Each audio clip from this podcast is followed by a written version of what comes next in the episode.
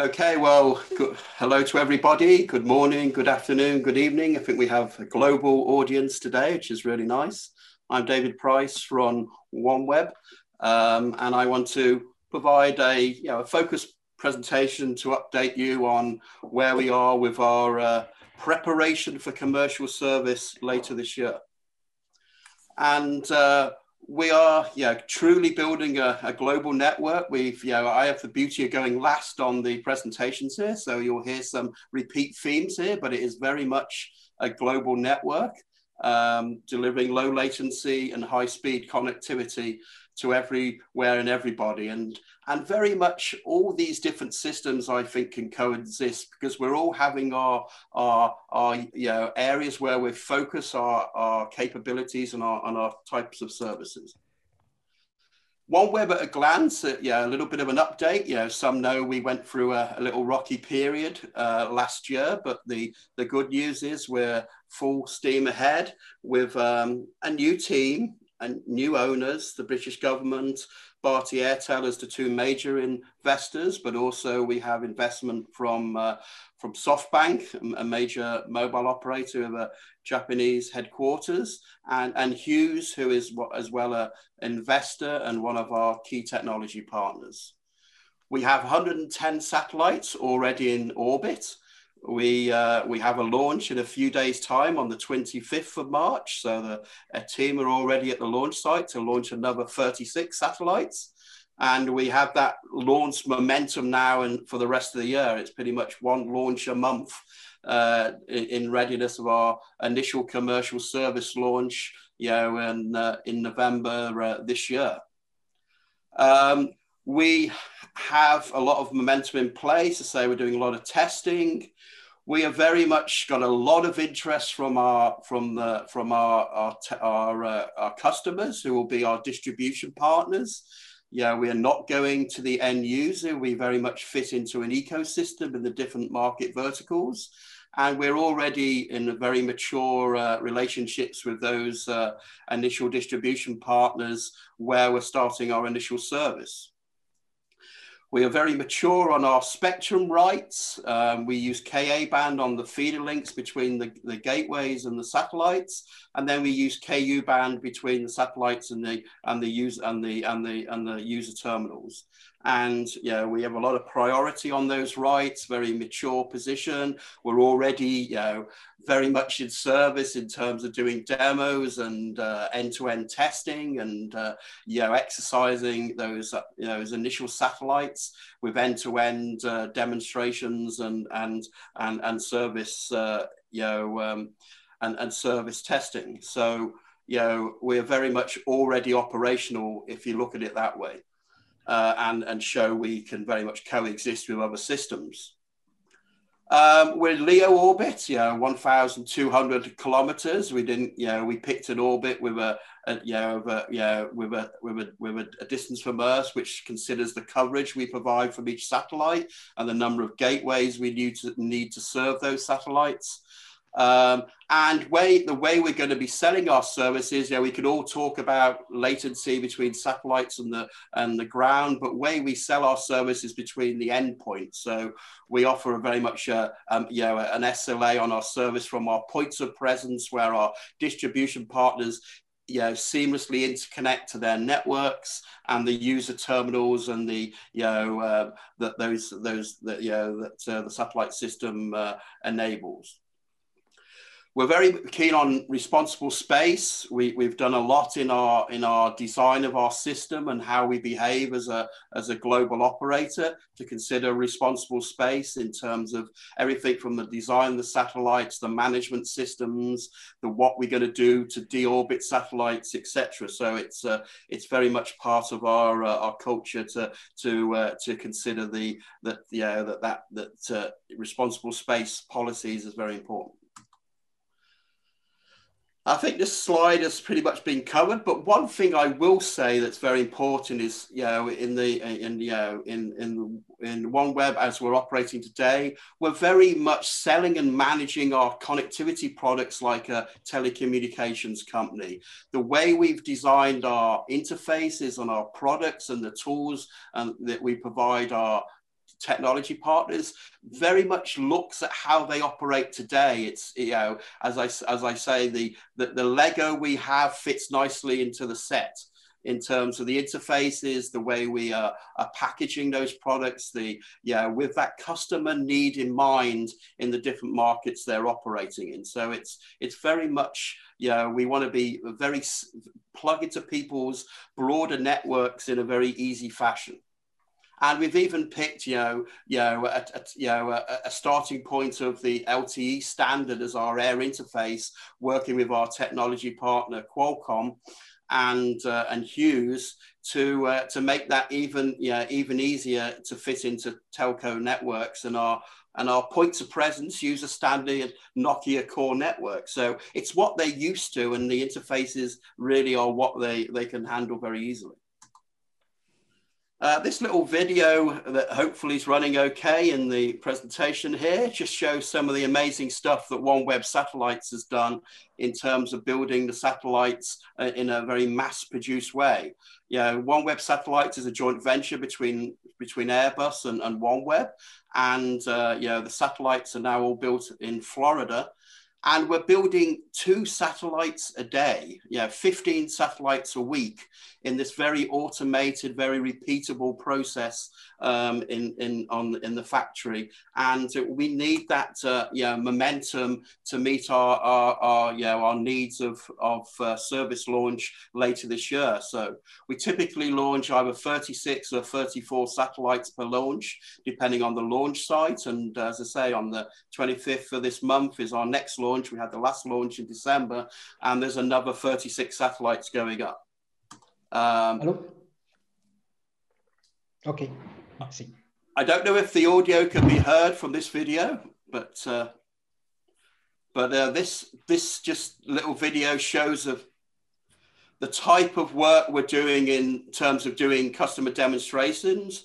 This was demonstrating in Florida a few weeks ago with you know, our existing satellites in orbit, uh, where we were demonstrating for some US government you know, uh, you know, business partners and end users and uh, you know showing all the attributes that we want to show in terms of how the system is working um, how the user terminals are installed how they operate and how the satellite handovers and the beam handovers you know perform and you know and the and the user experience you know and yeah, we did a, a, Zoom session. We did some application testing, and and we're doing these tests all the time. So it's uh, very much part of our uh, getting ready for commercial service. Um, we also, you know, clearly as well as launching satellites, need to roll out gateways. And uh, when we start our commercial service launch in in November, which is a geo is a, is a geographically fenced coverage area, 50 degrees north, and we're operating, we're going to be some, yeah, starting services in Alaska, Canada, you know, Scandinavia, the UK, and the polar regions. Um, we need eight, we're going to have eight gateways to service that coverage area. And those gateways are in their final, you know, preparation, final testing. So we've, uh, we've made a lot of uh, progress there in, uh, in rolling out those, those gateways and the, uh, and exercising those, uh, those, those systems ready for our service launch. Uh, Dave, can I ask you to be brief, please? Yes, yes. Um, as this this this chart really covers what I've already said. You know, just a bit of a few uh, snapshots there. You know, our full constitute uh, constellation will be typically 650 satellites. That includes the in orbit spares.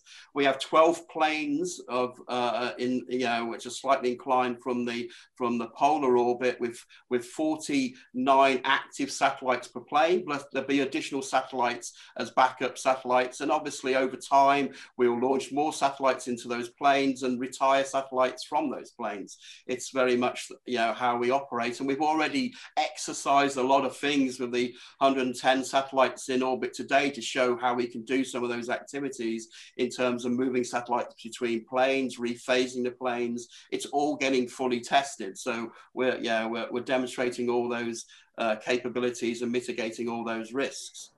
Um, in terms of the, the markets, we, uh, we clearly have a range of different markets we're serving with a range of different user terminals, which will evolve over time. And we're, we're starting in the fix site, yeah, as I say, you know, you know, enterprise and telco market, and later, you know, starting next year and you know, we're going to roll out our mobility products, both maritime and uh, and aeronautical. So, and that's you know, as we you know, we finish the development of those terminals and uh, and, and and and roll out the gateways to provide and launch the satellites to provide the global coverage.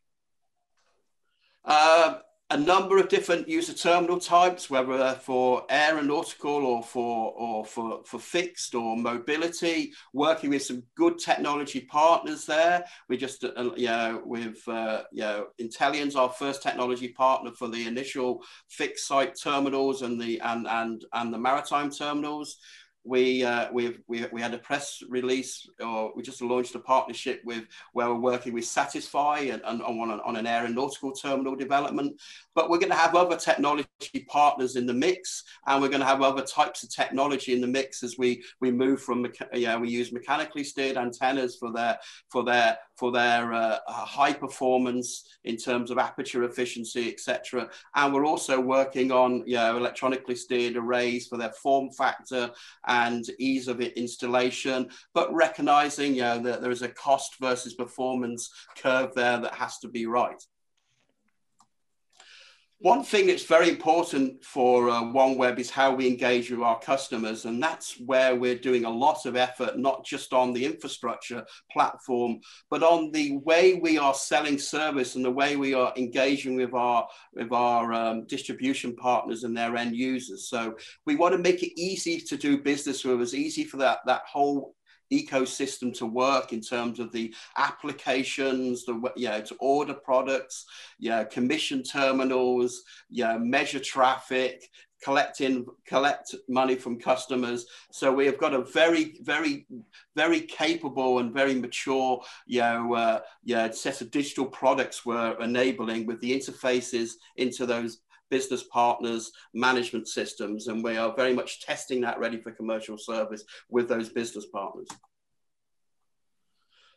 And it's all about you know understanding the requirements of the end user. So we've done a, done a lot of work to tailor our products so that they they meet the needs of the different markets, whether it's enterprise, whether it's whether it's mobile backhaul, you know, fitting into that you know that mobile operators infrastructure in a seamless way. They understand a Nokia core network. They understand the LTE you know service quality of service you know um, classes so our, our products fit very nicely straight into their networks as if they were using terrestrial only solutions they they really fit very nicely um, and you know it has to be easy to operate, has to have the right skill set in the field to commission stuff. So we've done a lot of work on how the terminals are going to be commissioned into the system, you know, how long it takes to, to roll out the service, how, how flexible the service is, and, and we have that global reach so we can offer a very similar service anywhere in the world as I, have covered the timeline a little bit, but I say we are in a very, very important year for us this year, where we are, yeah, finishing those satellite launches and and and, and finishing off our end-to-end testing, ready for our initial commercial service launch in November this year. And we have the customers ready, the business, yeah, the, the distribution partners ready in in in those regions, and yeah, and uh, Canada a key market for us, Alaska Scandinavia, the polar regions, where a lot's happening now for oil and gas and other activities. And you know, launching at the time of COVID, this is my last slide. Yeah, we did a launch in December. Yeah, if you read, yeah, the it's you could almost do a movie on the logistics involved in getting the satellites from Florida to the to the east of Siberia, the rockets from you know, via train to Siberia from other parts of Russia where they're manufactured, and the people to support the launch. You know, and it was a we we we we did it. We we pulled it off. The satellites are all in their orbit raising now, and we're going to do the same at the end of this month. The, the team have already been through quarantine. The satellites are at the launch site. If you look at our yeah, if you look at our um, yeah our our website or our feeds on you know on LinkedIn etc. You'll see uh, we're we're going to do that again, and we're going to do that every month this year, pretty much, and yeah to the end of the year, and then into next year. So we've got it down to a you know a very much repeatable exercise, and I look forward. I hope I welcome you to all to watch the launch on the 25th of of March, and that's just. Uh, what we're all going to be looking forward to a, a rocket going up very nicely, the Soyuz rocket. Thank you very much. Thank you, David. So we've got a first question from Mr. Anonymous. Okay. Probably works for someone, one of our, for SpaceX. yeah, yeah. SpaceX again. Can, can you disclose of the 110 satellites are all operation? Operational? Yes, they are all operational. I mean, they're not all into their final orbits. I mean, when I was showing the video earlier, we have satellites in two orbital, actually three different orbital planes. We had the first six satellites that were, we called um, as like the prototypes we launched originally are in their own unique plane. And then we have the other satellites in the two other planes or the last 36 satellites on the way to those planes because we use electronic orbit you know, propulsion for orbit raising. So yeah, the satellites take a while from the launch, yeah, initial launch into to get into that final, you know, uh, orbital plane. And so 36 of those 110 satellites are on the way there. But I know that every day, because my team are doing it, we're, we're, we're using at least 60 satellites for, uh, for end-to-end testing. Another question from David Garud. Uh, what is the interface? Yeah, I mean the air interface is a modify is a modification of what is the, the, the LTE air interface. We, if you look at, um, you know, we're using Qualcomm chips in the user terminal, which are the same chips that go into a mobile phone. Uh, they're used with different software to deal with the the satellite environment with its different dynamic elements. And you know, so uh, yeah, so we we we use a uh, you know an STTNA you know, you know, um, access scheme in in on the on the return link, yeah, on the so on the forward link, and on the return link we use uh, an ST FDMA, but it's it's using very it's based on the on the LTE uh, air interface, and we did that just uh, because the whole network you know, you know, in terms of you know the components of it, right from the core network to the user terminal, you know, and the classes of traffic and the encryption fit right into that telco infrastructure in a very nice manner because we, we that's where we started, and we get advantages of the cost of those Qualcomm chips and other advantages in the management tools of the of the system to take to for it to be scalable, just like you know, a, a, you know, rolling out a, a terrestrial network using terrestrial infrastructure. Okay, I think we'll close your session here so that we can re stay reasonably on time.